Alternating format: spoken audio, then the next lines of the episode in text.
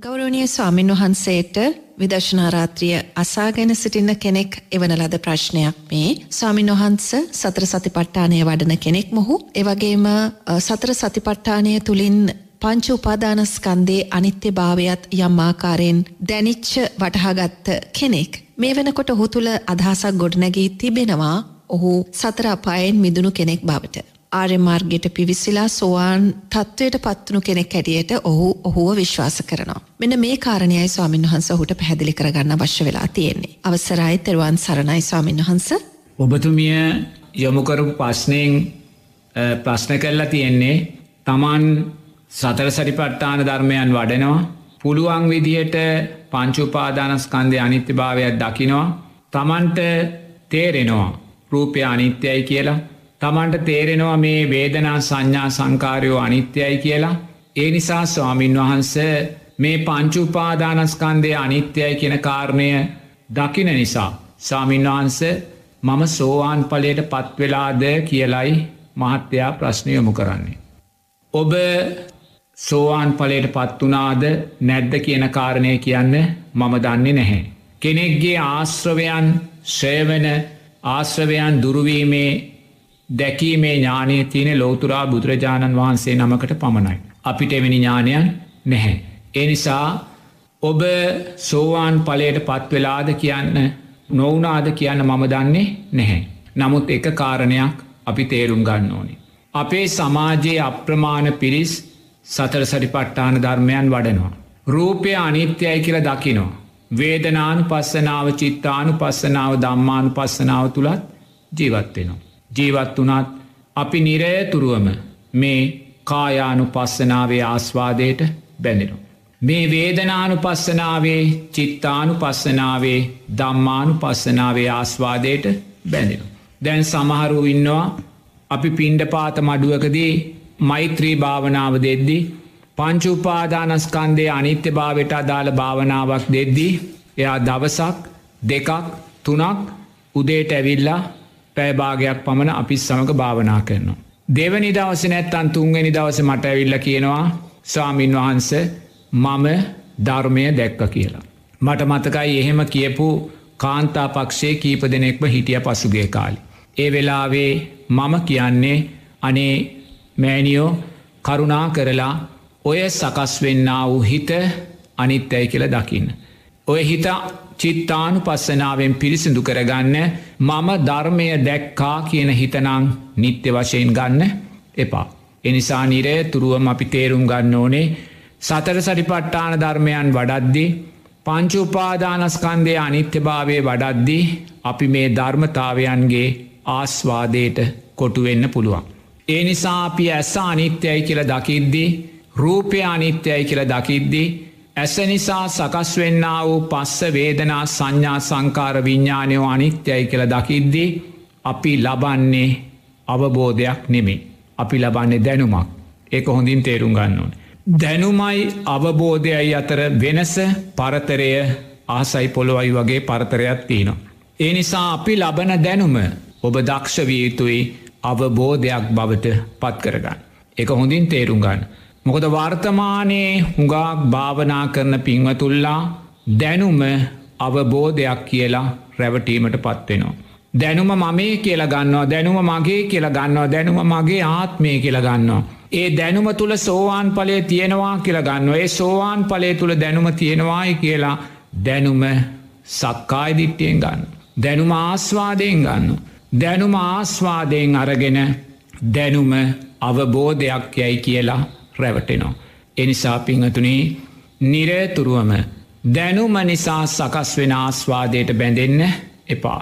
ඒ දැනුම නිසා සකස් වෙන්න වූ යම් ආස්වාදනීය සිතුවිල්ලක් තියෙනවනම්. ඇලෙන ගැටෙන සිතුවිල්ලක් තියෙනවනම් ඒ සිතුවිල්ල චිත්තානු පස්සනාවෙන් දකින්න. ඒ සිතුවිල්ල වේදනානු පස්සනාවෙන් දම්මානු පස්සනාවෙන් පිරිසිදු කරගන්න. ආස්වාදයට යන්න දෙන්න එපා. එනිසා ඔබ දක්ෂවෙන්න ඔබ විදර්ශනාව ජීවිතයට එකතු කර ගනිද්දී. ඔබ විදර්ශනාව තුළින් ඔබ ලබන්නා වූේ විදර්ශනාත්මක දැනුම පිංහතුනී අවබෝධයක් කරා අරගෙන යන මාර්ගය ජීවිතයට එකතු කරගන්න. දැනුම අවබෝධයක් බවට පත් කරන මාර්ගය තමයි ආර්යෂ්ඨාංගික මාර්ගය. එක හොඳින් තේරුම්ගන්න. ඔබ සතර සටිපට්ටාන ධර්මයන් වඩනවනං පංචූපාදානස්කන්ද ධර්මයන් වඩනවනං ඒ පිළිබඳ දැනුම ඔබ ලබනවනං අපි පතපොතින් ඒ දැනුම ලබනවා.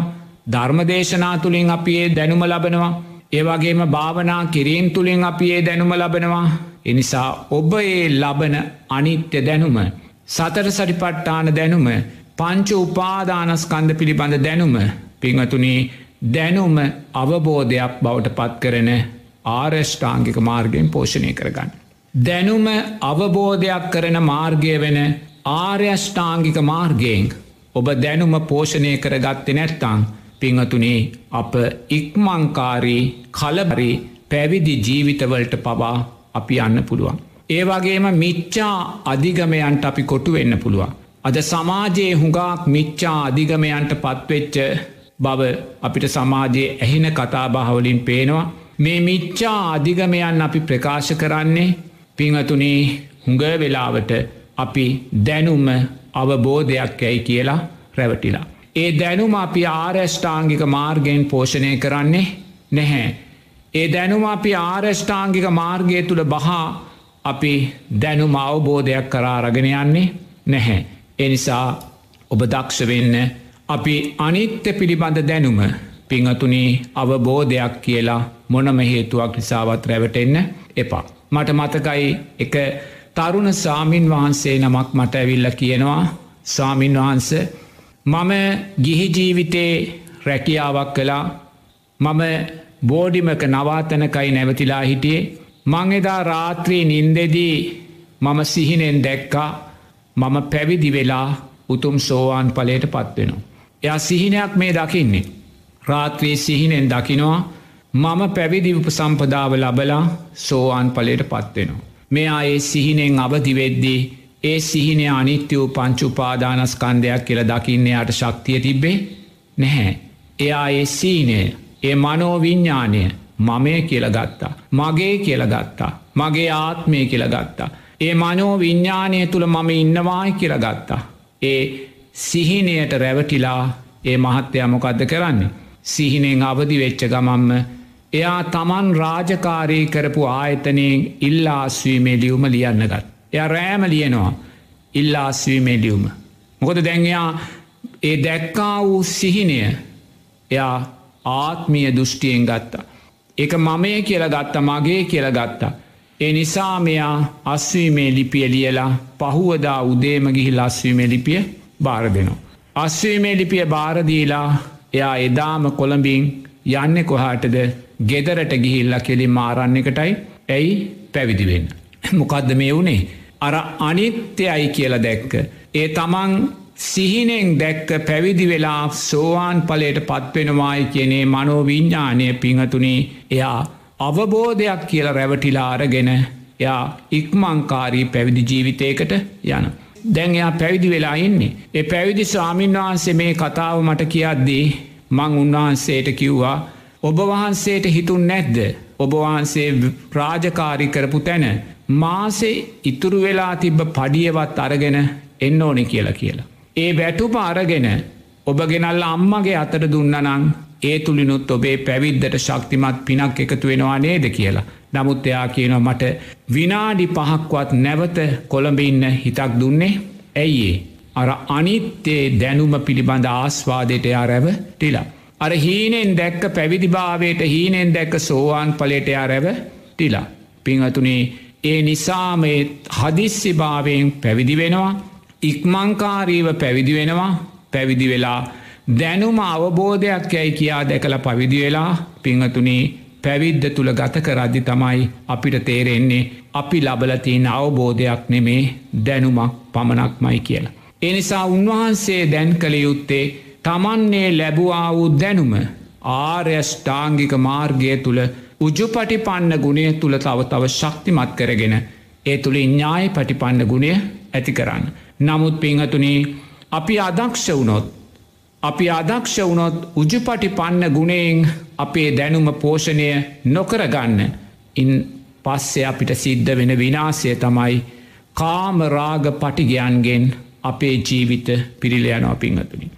කාමරාග පටිගයන් විසින් අපේ ජීවිතය වෙලා ගන්නවා. ඇයි අර අනිත්‍ය පිළිබඳ දැනුම අවබෝධයක් කියල රැවටුනා අපි ආරෙෂ්ඨාංගික මාර්ගය පුහුණු කළේ නෑ ආරෙෂ්ඨාංගික මාර්ගයේ ජීවිතයට එකතු කරගත්තෙ නෑ ඒ නිසාම අවසානයේ අපේ දැනුම හේතිවුණේ කලකිරීම් ඇතිවෙන පැවිදි ජීවිතයක උපත සාක්ෂාත් කර ගන්න.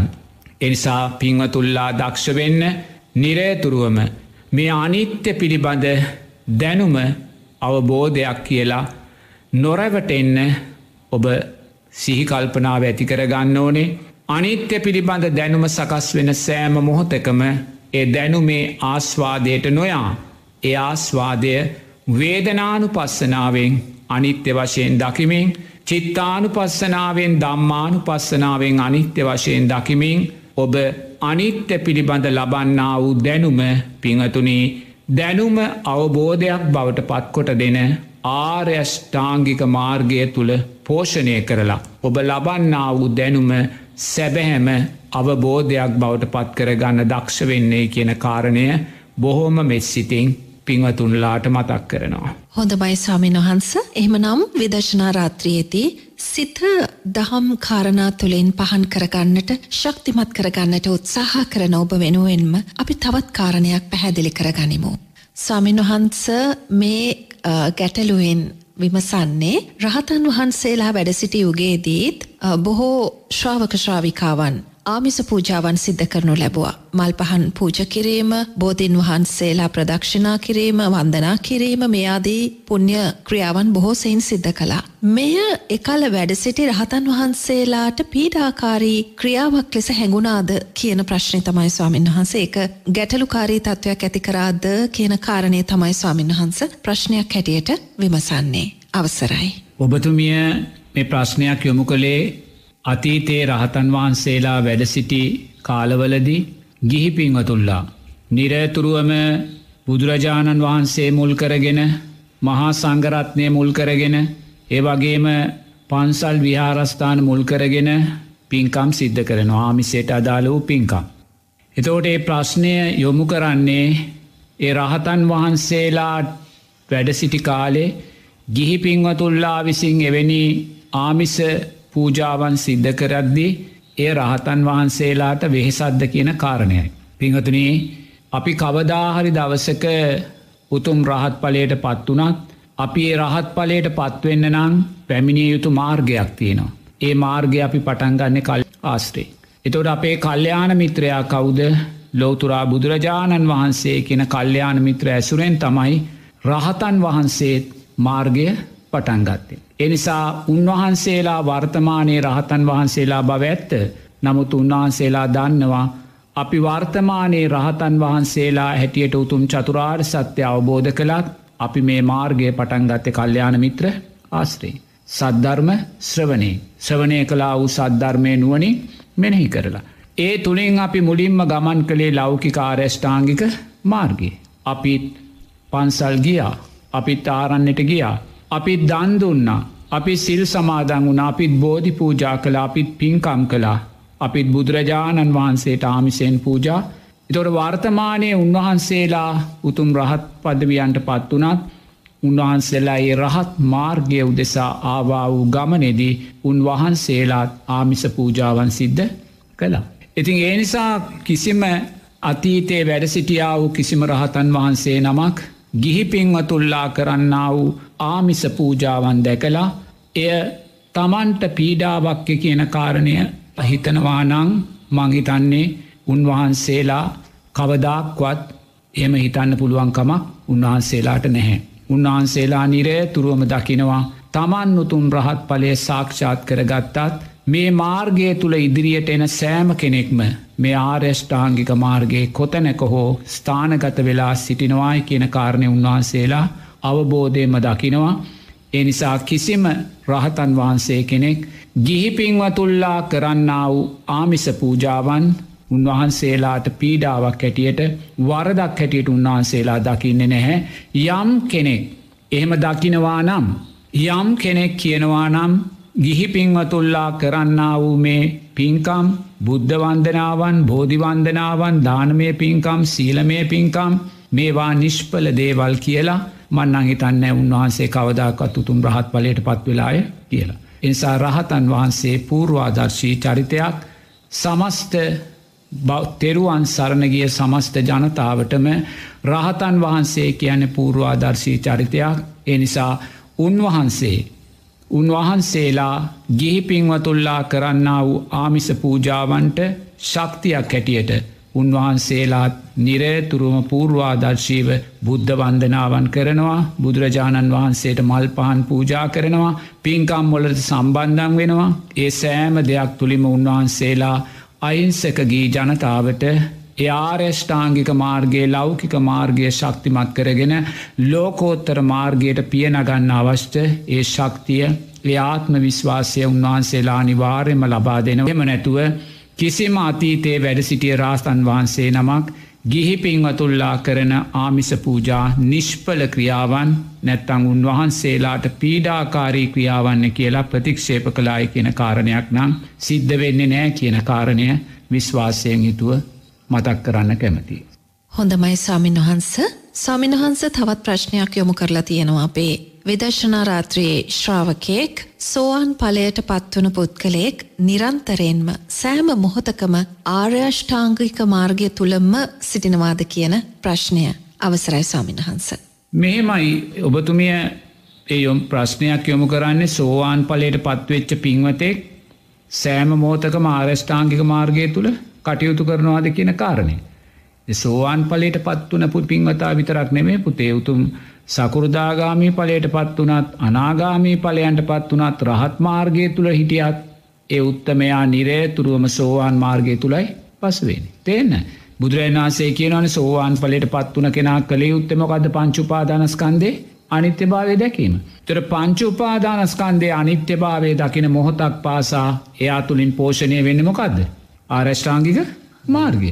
ආරෂ්ඨාංගික මාර්ගයේ විදර්ශනාවත්මකොයා තුළේ පෝෂණය වෙන. නිරේතුරුවම සෝවාන් කෙනා පංචුපාදානස්කන්දය අනිත්‍ය භාවේ දකින මොහොතක් පාසා එයා තුළින් ආර්යෂ්ඨාංගික මාර්ගය විදර්ශනාත්මකව පෝෂණය වෙන. සකුරදාගාමී කෙනා පංචුපාදානස්කන්දය අනිත්‍ය භාවය දකින මොහොතක් පාසා උන්වහන්සේ තුළින් අනිවාරය මාර්ෂ්ඨාංගික මාර්ගය විදර්ශනාත්මකව පෝෂණය වෙන. අනාගාමී කෙනා පංචුපාදානස්කන්දය අනිත්‍ය භාවය දකිද්දී එයා තුළින් ආරෙෂ්ඨාංගික මාර්ගය විදර්ශනාත්මකව පෝෂණය වෙනවා ඉතින් සෝවාන් පලට පත්වන කෙනෙක් තමයි විසාකා උපාසිකා විසාකා උපාසිකාව නිරතුරුවම පංචුපාදානස්කන්දය අනිත්‍ය භාවය දකිද්දී එම නැත්තං උග්‍ර ගෘහපතිතුමා අනාගාමි උපාසකතුමෙක් එතුමා පංචුපාදානස්කන්දය අනිත්‍ය භාවය දකිද්දී නිරේතුරුවම ඒ උග්‍ර ගෘහපතිතුනා තුළ තෙරුවන් කෙරේ සද්ධහා විදර්ශනාත්මක වැඩෙන් නැද්ද. අනේ බුදුරජාණන් වහන්සේ කියන්නේෙත් අනිත්‍ය වූ රූපයක් ධර්මරත්නය කියන්නේ අනිත්‍ය වූ රූපයක් සංගරත්නය කියන්නේ අනිත්‍ය රූපයක් කියල වැඩෙන් නැද්ද පංචුපාදනස්කන්දය අනිත්‍ය භාවය දකිද රූපය අනිත්‍ය භාවයයි දකින්නේ. එනම් බුදුරජාණන් වහන්සේගේ රූපය අනිත්‍ය නම් බුදුරජාණන් වහන්සේගේ රූපය ඇසුරෙන් යම් වේදනාව යම් විඳීමක් යම් හඳුනා ගැනීමක් යම් සංස්කාරයක් යම් විඤ්ඥානයක් තමා තුළ සකස් වනානං ඒවා නිත්‍යද අනිත්‍යද හරිත් ඇයිතින් බුදුරජාණන් වහන්සේගේ රූපය තුන්නතුන් ඒ අනාගාමි උත්තමයා දකින පංචුපාදානස්කන්දේ අනිත්‍ය බාද. ධර්මරත්නය කියන රූපය තුළිනුත් දකින්නේ පංචුපාදානස්කන්දේ අනිත්‍ය බාද. සංගරත්නය කියන රූපේ තුළිනුත් දකින පංචුපාදානස්කන්දේ එනම් පංචුපාදානස්කන්දය අනිත්‍යයි කියල දකිද අපි තුළ තෙරුවන් කරේ සද්ධා විදශනාවත්ම වැඩෙනවාද නැද්ද වැඩෙනවා. කර්මය කර්මඵල විශ්වාසය විදර්ශනාත්මක වැඩෙනවාද නැද්ද. පංචුපාදානස්කන්දය අනිත්‍ය භාවය අපි දකිද්දී අපි දකිනවා. රූපය ඇසුරෙන් යම් යහපත් සංස්කාරයක් රැස්සුනාදයම් අයහපත් සංස්කාරයක් රැස්සුනාද රූපය අනිත්‍යනං සකස් වෙන සංස්කාරය එච්චර ඉදිය පංචුපාදානස්කන්දය අනිත්‍ය භාවය දකිද්දි මුළු ආරෂ්ඨාන්ගේ මාර්ගම වැඩෙනවා. පංචුපාදානස්කන්දය අනිත්‍ය භාවය දකිද්දේ භික්ෂුවක් හැටියට මාතුළමොකක්ද වැඩෙන්නේ. භික්ෂුවක් හැටියට මගේ ප්‍රාතිමෝක්ෂ සීලියට අදාළ සම්මා වාචා කම්මන්තෝ ආජීවෝ කියන මාර්ගංග තුන පෝෂණය කරන උතුම් ප්‍රාතිමෝක්ෂ සීලය මම ආරක්ෂා කරන්නේ මේ ප්‍රාතිමෝක්ෂ සීලය රැකෙන්නේ මාගේ රූපය එනගේ රූපය නිත්‍යද අනිත්‍යද රූපය අනිත්‍යනං රූපය ඇසුරෙන් සකස් වෙන සීලය මුල්කරගෙන සකස් වෙන පස්සවේදනා සංඥා සංකාර විඤ්ඥානයෝ නිත්‍යවේද අනිත්‍යවේද එනිසා මං මොනම හේතුවක් නිසාවත් සීලය හේතුවෙන් සකස් වෙන. රූපය මුල්කරගෙන සීලේ හේතුවෙන් සකස් වෙන වේදනා සංඥා සංකාර විඤ්ඥාණයට බැඳෙන්නේ නැහැ. ඇයි? සීලය සකස් වෙන්නේ රූපය. අනිත්‍යනං ඒ අනිත්‍ය වූ රූපය ඇසුරෙන් සකස් වෙන සීලය නිත්‍ය වෙන්න විදිියක් සීලය අනිත්‍යනන්ගේ සීලය ඇසුරෙන් සකස් වෙන බිඳීම් නිත්‍ය වෙන්න විදිියක් එනිසාම මම කවදක්කත් සීලය මමය කියලා මගේ කියලා මගේ ආත්මය කියලා මම ගන්නේ ඇයිඒ මගේ පංචුපාදානස්කන්දය නිරේතුරුවම් පංචුපාදානස්කන්දය අනිත්‍ය භාවයෙන් මගේ ආරෂ්ඨාංගික මාර්ගය මං පෝෂණය කරනවා. ආර්යෂ්ඨාංගික මාර්ගයේ පෝෂණය තුළින් පංච උපාදානස්කන්දය අනිත්‍ය භාවේ තවතව ශක්තිමත් කර ගන්න. එනිසා ඒක සෝවාන් පලේ සිටන් රහත් පලේ දක්වා රහතන් වහන්සේ පමණයි ආරෂ්ඨාංගික මාර්ගය බිමින් තියලා උන්වහන්සේලා ඉතර වෙන්නේ එතෙක් රහත් මාර්ගය දක්වා ආර්යෂ්ඨාංගික මාර්ගය විදර්ශනාත්මකව වැඩමින් පංචු උපාදානස්කන්දය අනිත්‍ය භාවය දකිනවා පංචු උපාදානස්කන්දය අනිත්‍ය භාවය දකිමින් ආරෂ්ඨාංකික විදර්ශනාත්මක අපි පෝෂණය කර ගන්න. සෝවාන් පලට පත් නොවිච්ච පුද්ගලයෙක් සාමාන්‍ය ජීවිතයක් ගත කරන කෙනෙක් ඒ විදිහට තමන් අතින් බිඳෙන සීලයක් කොහොමද විදර්ශනාත්මකව දකින්නේ විදර්ශනාවට නගන්නේ කියෙන කාරණය ස්වාමින්හන්ස විමසන්නේ. මෙහෙමයි සෝවාන් පලට පත්වෙච්ච කෙනා ලබන්නා වූ අර්ථයන් තුනක් තියෙනවානේ පළවෙනි අර්ථය තමයි පංචුපාදානස්කන්දේ අනිත්‍ය භාවේ. දෙවැනි අර්ථය තමයි තෙරුවන් කෙරෙහි වූ අචල සද්ධාව. තුන්ගනි අර්ථය තමයි සීලයාර් සීලයක් කෙටිට එයා තුළ වැඩෙනවා. එතෝට දැන් කෙන පුළුවන් සෝවාන් පලට පත්වෙන කෙනා තුළ මුලින්ම වැඩෙන්නේ පංචුපාදානස්කන්දය අනිත්‍ය භාවේද එම නැත්තං තෙරුවන් කරේ අචල සද්ධාවද නැත්තං ආර්ය සීලේද කියලා. එතොට මෙහෙම එක දෙක තුන කියලා වැඩෙන ස්භාවයක් නෙමේ මෙතන තියෙන්නේ සෝවාන් පලට පත්වෙන කෙනා. තමන්ගේ දිට්ටි විසුද්ධිය එකන පටිච්ච සමුපාද ධර්මය තුළ තමන්ගේ ජීවිතය විසුරෝල දාලා තමන්ගේ දිට්ටි විසුද්ධිය පිරිසිදු කරගෙන. උතුම් සෝවාන් පලට පත්වෙන මොහොතේම එතුමා තුළ පංචුපාදානස්කන්දය අනිත්‍ය භාවය වැඩෙනවා ඒ වැඩෙද්දිම තෙරුවන් කරේ අචල සද්ධාවත් ආරසීලයත් සකස් වුණා. එම තමයි සකස්වෙන් මුලින් මෙයා දකින පංචුපාදානස්කන්දේ අනිතබ. පංචුපාදානස්කන්දේ අනිත්‍ය භාවය දකිද්දිම තෙරුවන් කරේ අචල සද්ධාවත් සීලේ ආරසීලයකත් හැටියටත් උන්වහන්සේ තුළ වැඩුණ.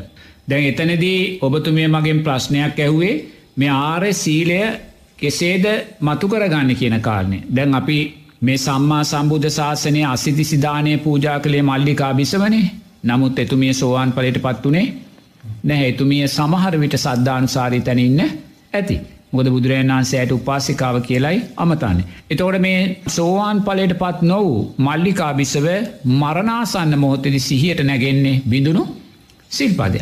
නමුත් බිඳුණු සිල්පදේ සිහියට නැගෙද්දේ ඒ බිඳුණු සිල්පදයට ගැටිලා එයා කෙටිකාලෙකට සතරපායකට වැටෙනවා. නමුත් ඒ මල්ලිකාබිසව යම්හයකින් උතුම් සෝවාන් පලය අවබෝධ කරලා හිටියා නං එකන පංචුපාදානස්කන්දය අනිත්‍ය භාවය දැකලා ඉන්නේ. ඒ පංචුපාදානස්කන්දය අනිත්‍ය භාවය දැකලා හිටියනං මරණාසන්න මොහොතේ ඇයට සිහියට එන බිඳුණු සිල්පදය එකනේ සිල්පදේ ඇයට සිහියට එන පංචුපාදානස්කන්දයක් හැටියට ඒ පංචුපාදානස්කන්දයක් හැටියට එයාට මතකෙන සිල්පදය ඒ මොහොතේ මේ අනිත්‍යයි කියලා දකිනවා. ඒ මොහොතේම අනිත්‍යයි කියලා අනිත්‍යයි කියලා දැක්කනං ඒ බිඳුණු සිල්පදය නිසා කවදාක්වත් ඇය සතරපායට වැටෙන්නේ ඒක වෙන්නේ යා සෝවාන් පලිට පත්වෙලා හිටියන.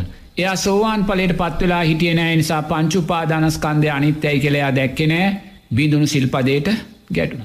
එයා සෝවාන් පලට පත්වෙලා හිටියනම් එයා දක්කිනවා රකින සිල්පදයක් බිඳෙන සිල්පදයක් රැකෙන්නෙත් බිඳෙන්නෙත් රූපය ඇසුරු රූපයෙන් තොරෝ සිල්පදයක් රැකෙන්න්න විදිහක් නෑනේ රූපයෙන් තොරෝ සිල්පදයක් බිඳෙන්න්න විදිහකුත් එනම් බිඳෙන සිල්පදයක් රැකෙන සිල්පදයක් දෙකම සිද්ධ වෙන්නේ රූපය ඇසුරෙන් රූපය අනිත්‍යනං බිඳෙන සිල්පදයක් රැකෙන සිල්පදයක් තුළින් රැස්සෙන සංස්කාර නිත්‍ය වෙන්න බැහැ. මොකොද රූපය අනිත්‍යය. රූපය ඇසුරෙන් සකස්වන පස්සය අනිත්‍ය පස්සේ ඇසුරෙන් සකස්වන බිඳීම අනිත්‍ය හඳුනා ගැනීම් සංස්කාර සංවිඤ්ඥානයෝ සියල්ල එමනං එතුමිය අවබෝධ ඥානයම දකිනවා සෝවාන් පලට පත් වනා නං රූපය ඇසුරෙන් සකස් වෙන මේ මතුවන මේ බිදුණු සිල්පදය අනිත්‍ය වූ පංචුපාදානස් ඇයි ඒ බිදුණු සිල්පදයට බැඳෙන්නේ?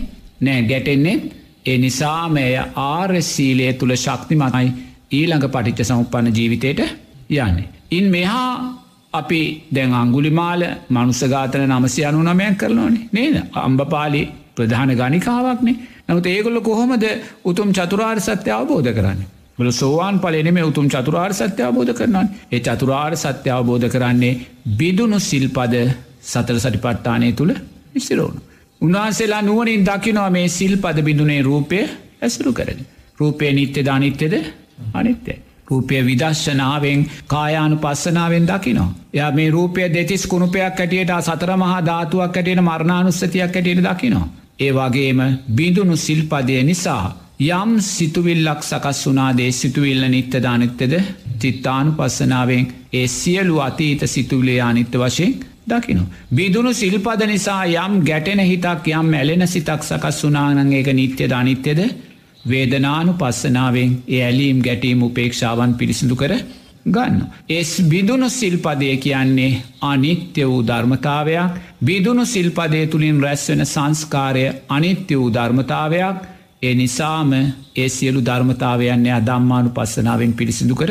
එතුට එතනද එයාට බැඳන්න තැන නැහැ. බිදුණු සිල්පදේට රකින සිල්පදේට යට බැඳන්න තැන නැහැ. මොකොද ඒ සියලු ධර්මතාවය අනිත්‍යයි කරයා එනිසා එතනදී අපි කවදක්වත් බිඳුණු සිල්පදයක් නිසා සතරපායට වැටීමක් සිද්ධ වෙන්නේ එයා සීලය ආර සීලයක් හැටියට විදර්ශනාත්මකව ශක්තිමත් කරගෙන තමයි ඊළඟ පටිච්චජම උපන්න ජීවිතයට පියනගන්න. ඉති එනිසා මේ පංචුපාදානස්කන්දය අනිත්‍ය භාවය දැක්ක තැන අපි බුදුරජාණන් වහන්සේගේ රූපය මමය මගේ මගේ ආත්මය කියල දකින්නේ නෑමොකදයා දිට්ටි විසුද්ධියෙන් සක්කායි දිට්ටිය සිදලතියන්නේ මත්තේ දැඩිභාවය සිදලතියන්නේ එය අධ්‍යාත්මික පංචුපාදානස්කන්දය අනිත්‍යයි කියලා දකිනවා වගේම බාහිර පංචුපාදානස්කන්දය අනිත්‍යයි කියලා දකිනවා. එතොට එයාට බාහිර පංචුපාදානස්කන්දයක් කෙටියට තමයි බුදුරජාණන් වහන්සේ අරමුණුවෙන්. ධර්මරත්නය මේ බුදුරජන් වහන්සේ වරමුණ වෙන සංගරත්නය අරමුණුවෙන්. එනිසා නිරය තුරුව මේ අනිත්‍ය වූ පංචුපාදානස්කන්දයක් ඇසුරෙන් සකස් වෙන කිසිම ධර්මතාවයකට ඒගොළ බැඳෙන්නේ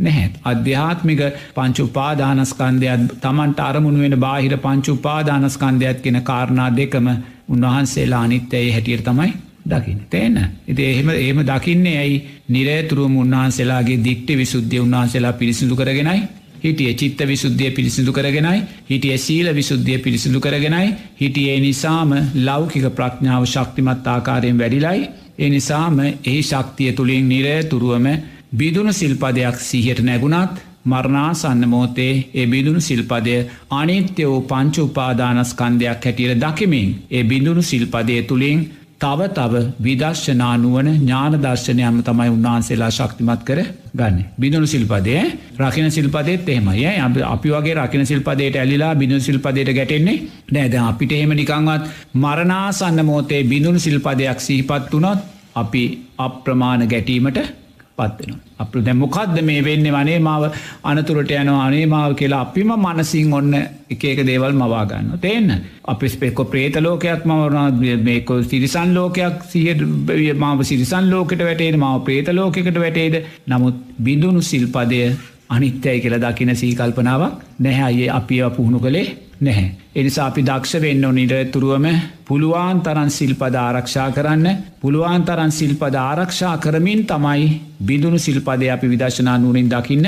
එමනැතුව සිල්පද බිඳබිද බිඳුණු සිල්පද විදශනාවෙන් දකිනවා කියෙන කාරණය ධර්මයට අදාල නැහැ. හෙමකොලොත් අපිට කවදක සම්මා සතියක් ඇතිවෙන්නේ නැහැ. එන සම්මා සමාධයක් ඇතිවෙන්නේ එනති විදර්ශනා ප්‍රඥාවක් ගැන කතා කරල වැඩ නැහැ. එනිසා අපි දක්ෂ වෙන්න ඕනේ ජීවිත පරිත්‍යයාගෙන් අපේ සීලය ආරක්ෂා කරමින්. කොහේ හෝ අතීතයේ බිදුණු සිල්පද තියෙනවනන් ඒ සෑම සිල්පදයක්ම අනිත්‍ය වූ සංස්කාර හැටියට දකිමින් පුහුණුවෙන්න ඒ පුහුණුව අපිට අපේ සීලය ආර සීලයක් හැටියට පත් කරගන්නවා වගේ අපි සෝවාන් පලට පත් නොවී මැරුණොත්. මරණාසන්න මොහොතේ හරි අපිට සුගතිය මතු කරගන්නත් විදශනානුවන මතු කරගන්න අපිට අනිච්ච සංඥාහුගක් ශක්තිමත් භාවයට පත්වෙනවා. ගෞරවනය සාමීන් වහන්ස මේ ප්‍රශ්නයෙන් පැහැදිලි කරගන්නට උත්සාහ කරන්නේ සීලයද වඩා වැදගත් සිහියද කියන කාරණය අපේ ස්වාමීන් වහන්ස. විශේෂයෙන්ම සන්තති ඇමතිවරයාගේ සිද්ධිය මූලික කරගෙන තමයි මේ ප්‍රශ්නය ගොඩනගලා තියෙන්නේ. සන්තති ඇමතිවරයා එක්තරා අවස්ථාවකදී රහමීර පානයට දැඩිව ලොල් වෙලා සිටීම ඒ වගේම ඉන් අනතුරුව එතුමා සෝවන් මාර්ගයට ප්‍රවිෂ්ටවීම කියන කාරණය මූලික කරගෙන තමයි මේ ප්‍රශ්නය ගොඩනගලා තියෙන්නේ. අපි පැහැදිලි කරගෙන තියෙන ආකාරයට සන්තති ඇමතිවරයා උදැස්සන කාලේ රහමෙර පානය කර සිටියත්. සවස් කාලය වන විට ඒ මත්ගතිය පහ වෙලා ඔහු ආර්ය මාර්ගයට ප්‍රවිෂ්ට වෙන කෙනෙක් බවට පත්වෙනවා. අන්න ඒ කාරණය මූලික කරගෙන තමයි ස්වාමින්වහන්ස මේ ප්‍රශ්නය ඉදිරිපත් කර තිබෙන්නේ. අවසරයි. මෙහෙමයි නෝනා ඔබතුමිය ඔය ප්‍රශ්න කරන්නේ අර සන්තිස් ඇමතිවරයා ඊය දවසේ හොඳටම මත්වතුර පාලනය කරලා හිටියේ. නමුත් ඒම මත්වතුර පාලනය කරපු සන්තිස් ඇමති පසුවදා බුදුරජාණන් වහන්සේ දෙන එක කමටහනකින් උතුම් චතුරාර් සත්‍යය අවබෝධ කරනවා. ඉති එතනදී ඒ ප්‍රශ්නය යොමුකරපු මහත්තයා අපෙන් අහන්නේ සන්තිස ඇමතිතුමා ඊය හොඳෙම මත්වෙලා හිටියේ. සාමානයෙන් පහුවදා චතුරාර් සත්‍ය අවබෝධ කරන කොටත් මේ ඊයේ මත් වතුර බීපු ලක්ෂණ සියල්ල තියෙන්න ඇති. නමුත් එතුමා උතුම් චතුරාර් සත්‍ය අවබෝධ කරනවා ගිහි ඇඳුම පිටිම්ම. එතකොට දැන්ගේ ප්‍රශ්නය තියන්නේ එතුමා චතුරාර් සත්‍ය අවබෝධ කළේ සීලේ ශක්තිය නැතුව. සීලේ ශක්තිය නැතුව. එතොට සීලේ ශක්තිය නැත්තන් සම්මාධිත්‍යය ශක්තියක් දුර්වලයි. ඒනං එතුමා චතුරාර් සත්‍ය අවබෝධ කළේ ඒ බීල හිටියත් සතිය කියන කාරණය මුල් කරගෙනයි කියලා. තේෙන් අදතින් ඒ ධර්මතාවේ නං කොහෙත්ම ධර්මයට එකඟ නැහැ. ඒක හොඳට තේරුම් ගන්න ඕන. බුදුරජාණන් වහන්සේ මාර්ගය පනවද්දි බුදුරජාණන් වහන්සේ මාර්ගය පනවන්නේ කල්්‍යාන මිත්‍රාශ්‍රය සද්ධර්මසවනය නුවනින් මෙනෙහි කිරීම තුළ ලෞකික ප්‍රඥාවයි මුලින් අපිට පනවන්නේ. එනිසා අපි කවදක්වත් ලෞකික ප්‍රඥාව බැහැර කරලා ඒ වගේම සීලයත් බැහැර කරලා සතියෙන් පමණක් උතුම් චතුරාර් සත්‍යයක් අවබෝධ කරනවා කියන කාරණය ලෝකයේ සිද්ධ නොවෙන දෙයක්. නමුත් සන්තිස ඇමතිවරයාගේ කාරණය වෙනම ධර්මතාවයක්. බුදුරන් වහන්සේ ඒකට වෙනම අපිට දේශනා කළ තිනවා බුද්ධ විෂය ගැන හිතන්න යන්න එපා. බුද්ධ විෂය ගැන හිතන්න යන්න එපා. බුද්ධ විෂය ගැන හිතන්න පුළුවන් බුදුරජාණන් වහන්සේ නමකට විතරයි. එතකොට සන්තිස ඇමතිතුමා අර හොදටම බීලා ඇතා පිටිං යනකොට බුදුරජාණන් වහන්සේ තේ පාරය අනිත් පැත්තෙන් වඩිනවා අවමෝචෙන් සන්ති සැමති බිමට බැස්සවත් නැහැ. එමත් ගතියෙන්ම බුදුරජාන් වහන්සේටත් ගරු නොකර තමයි ගිය. නමුත් බුදුරජාණන් වහන්සේටත් ගරු නොකරයක්දී. බුදුරජන් වහන්සේ කියනවා ස්වාමීන් වහන්සේලාට ඔය ඇතා පිටේ යන සන්තිස හෙට චතුරාර් සත්‍යය අවබෝධක. එතොට දැන් ස්වාමීන් වහන්සේලාට මේක ප්‍රශ්නයක් ස්වාමීන් වහන්සලා ප්‍රශ්න කරන බුදුරජන් වහන්සේගේ. කොහොමද මේ මෙච්චර බීපු මනුස්සෙක්කට එවෙලාව කියනවා හෙට වෙනකං ඉවසන්න දැන් ඒ ගැන අහන්න එපා කියල. ඒ ඇන මොකක්දේ. බුද්ධ විෂය ගැන ප්‍රශ්න කරන්න එපා.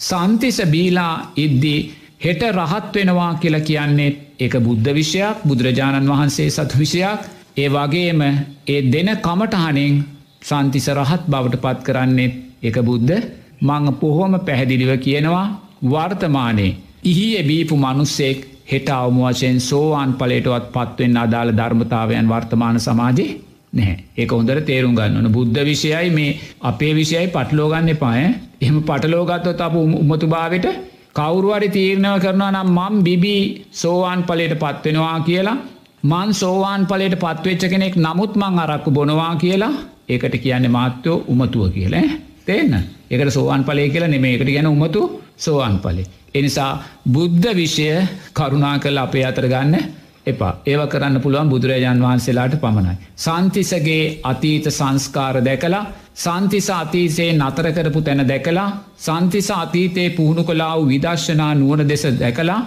මේ ඒ අදාළ කමටහන දෙන්න පුළුවන් ලෝතුරා බුදුරජාණන් වහන්සේ නමුත් අපි හිතනවනං බීපු අය සෝවාන් පලට පත් කරන්න අපි හිතනවනං බොමින් සිටින අය සෝවාන් පලට පත් කරන්න මාත්‍යයෝ ඒකට කියන්නේ උමතුව එකයි කියන බුද්ධ විෂය ගැන හිතුවොත් ඔබ මුතුභාවට පත්වේ කියලා. තේන්නල් එල්සා බුද්ධ විෂය ගැන හිත හිතන් බුදුරජන් වහන්සේ කරපු දේවල් අපි කරන්න එපා එනිසා මං බෝම පැදිලිව කියනවා යමෙක් මත් වතුර බොනවනං කරුණා කරලා අර සන්තිෂ ප්‍රාත්පලයට ලැබවා වගේ වර්තමානනං අධිගමයන් ලබන්න බලාපොරොත්තු වෙන්න.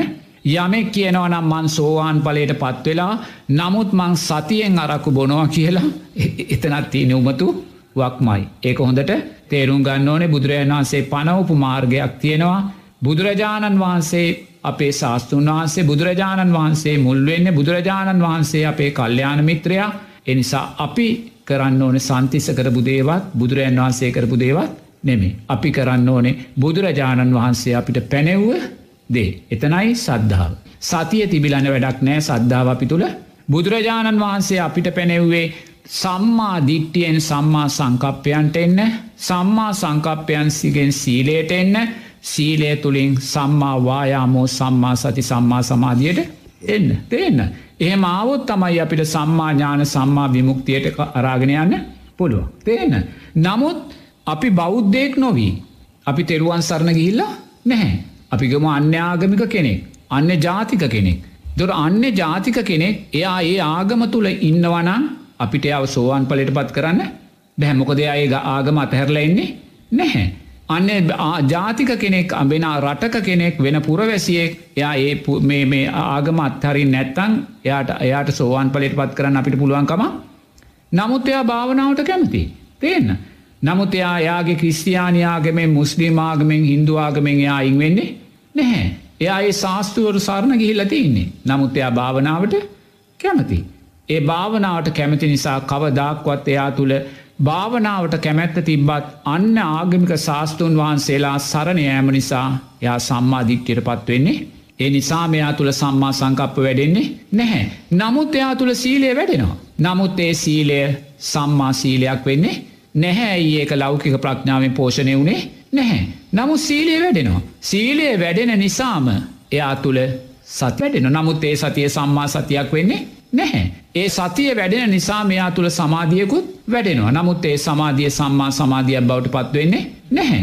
මෙන්න මේ තැනදී. බෞද්ධයෙක් නොවන අබෞද්ධයන්ට. හොදේ අපි භාවනාව කියලා දෙද්දී අපි පටන්ගන්න සතියේ. හොදට ඒ සෝවාන් පලට පත් කරන්න එක තේරුම් ගන්න ඕනේ බෞද්ධයෙක් නොවන අබෞද්ධයෙක්. එයාගේ ආගමයා අතහරින්න කැමති නැත්තං. එයා තෙරුවන් සරණ යන්න කැමති නැත්තං. එයාට භාවනාව අවශ්‍යනම්. එයාට හිතේ සංසිදීමක් අවශ්‍යනම්. අපි එයාව පටන්ගන්නේ ඔය කියන සතිය තුළින්. හරිද. එතනද අපි අයට සතිය කියනවා. තමන් කරන ක්‍රියාව දෙස සතියෙන් සිහියෙන් දකිමි කරන්න. හිත බාහිට විසි දෙන්න විසිරෙන දෙන්න එපා. බාහිර අරමුණු කරා හිත යන්න දෙන්න එපා. ඔබ කුමක්ද කරමින් ඉන්නේ? ඒ කරන ක්‍රියාව කරේ හොඳින් සතිය පිහිටවන්න. එතොට එතනින් අනිවාර්යෙන් මෙයා තුළ මොකද සකස්වෙන්නේ.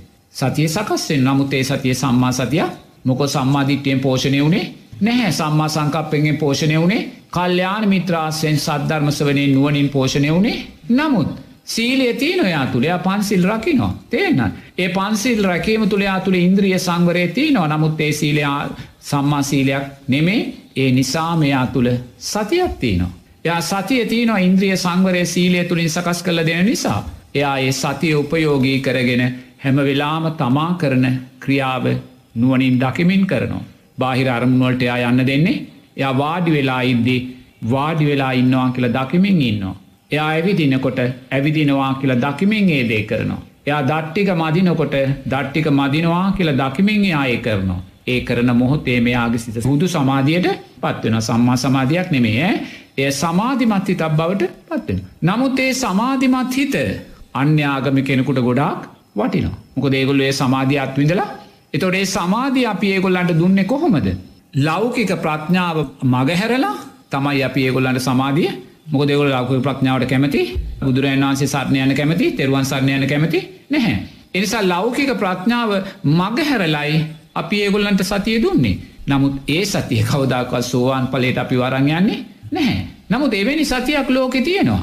තියන්න දෙවැනි සතියක් විදේශය රටවල තියෙනවා. නමුත් ඒ සතිය කවදාක සම්මා සතියක් වෙන්නේ නැහැ. සම්මා සතියක් නොවෙනවනං ඒක සම්මා සමාධයක් වෙන්නේ නැහැ. සම්මා සමාධයක් නොවෙනවනං ඒ සමාධිය කවදක්වත් සම්මා ඥාන සම්මා විමුක්තියක් සාසත් කළ දෙන්නේ නැහැ. ඒක මහත්ව අපේ ජීවිතේ වර්තමාන සමාජයේ තියෙන්න්න වූ සංකීර්ණ භාවය නිසා. වර්තමාන සමාජයේ තියෙන්න්න වූ මේ මානසික අතෘප්තිය නිසා. මාත්‍යව අපිට අර මානසික සංහිදීම ඇති කරගන්න. තේෙන්නාද. අපිට ඒ සම්මා සතිය කියන කමටාන ලොකු ශක්තියක් වෙනවා. අපිට නෙමේ අන්‍යාගමික පිංහතුල්ලාට තේනන්න.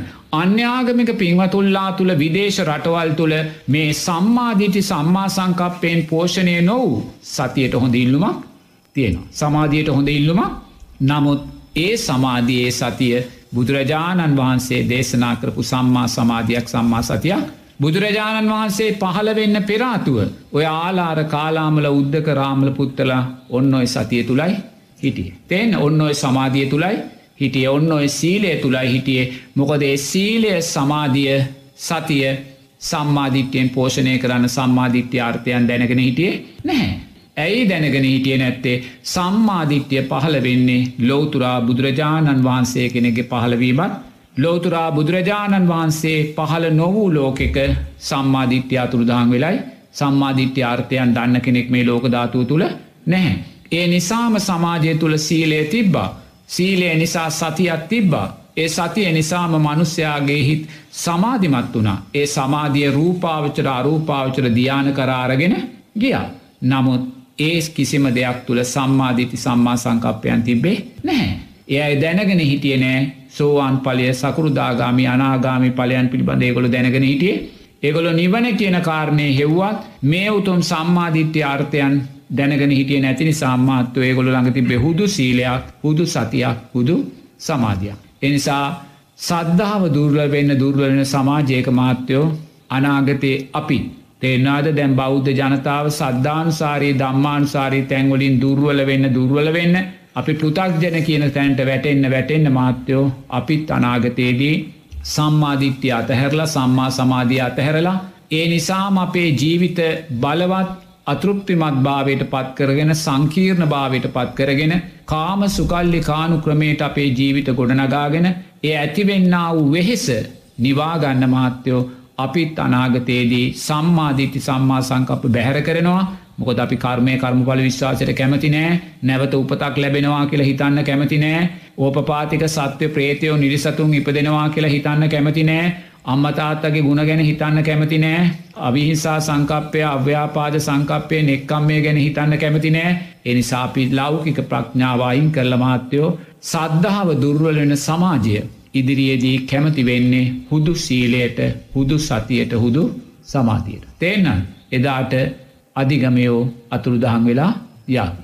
පිංහතුන් අප්‍රමාණ සතුරට පත්වෙන්න සිරස ගුවන් ඉදිලි ඉදිරියේ වාඩි වෙලා මේ සුන්දර රාත්‍රියයේ විදර්ශනා රාත්‍රිය මේ සද්ධර්ම සාකච්ඡාව ශ්‍රවනය කරලා පිංහතුල්ලා අප්‍රමාණ සැනසිල්ලක් අත් කරගත්ත නිසා කල්පනා කරන්න මේ රැස් කරගත්තා වූ සෑම පිනක්ම පිංවතුල්ලාටත් පිංහතුල්ලාගේ පවුල්වල සිරු දෙනාටත් දැකබලා සතුටුනා වූ සිරු දෙනාට ගම්වාසී රටවාසී සිරු දෙනාටත් ඒවගේම ගෞරුවනය උත්තරීතර මහානායක සාමීන් වහන්සේලා ඇතුළු සියලූම වන්දනය මහා සංගරත්නයට මේ පින් නිදුක් නීරෝගේ සුවපත්භාවය දීර්ඝායුෂත් උතුම් චතුරාර් සද්ධර්මයෝ දැකීම අවබෝධයට මේ පින් උත්තම ශක්තියක් වේවා.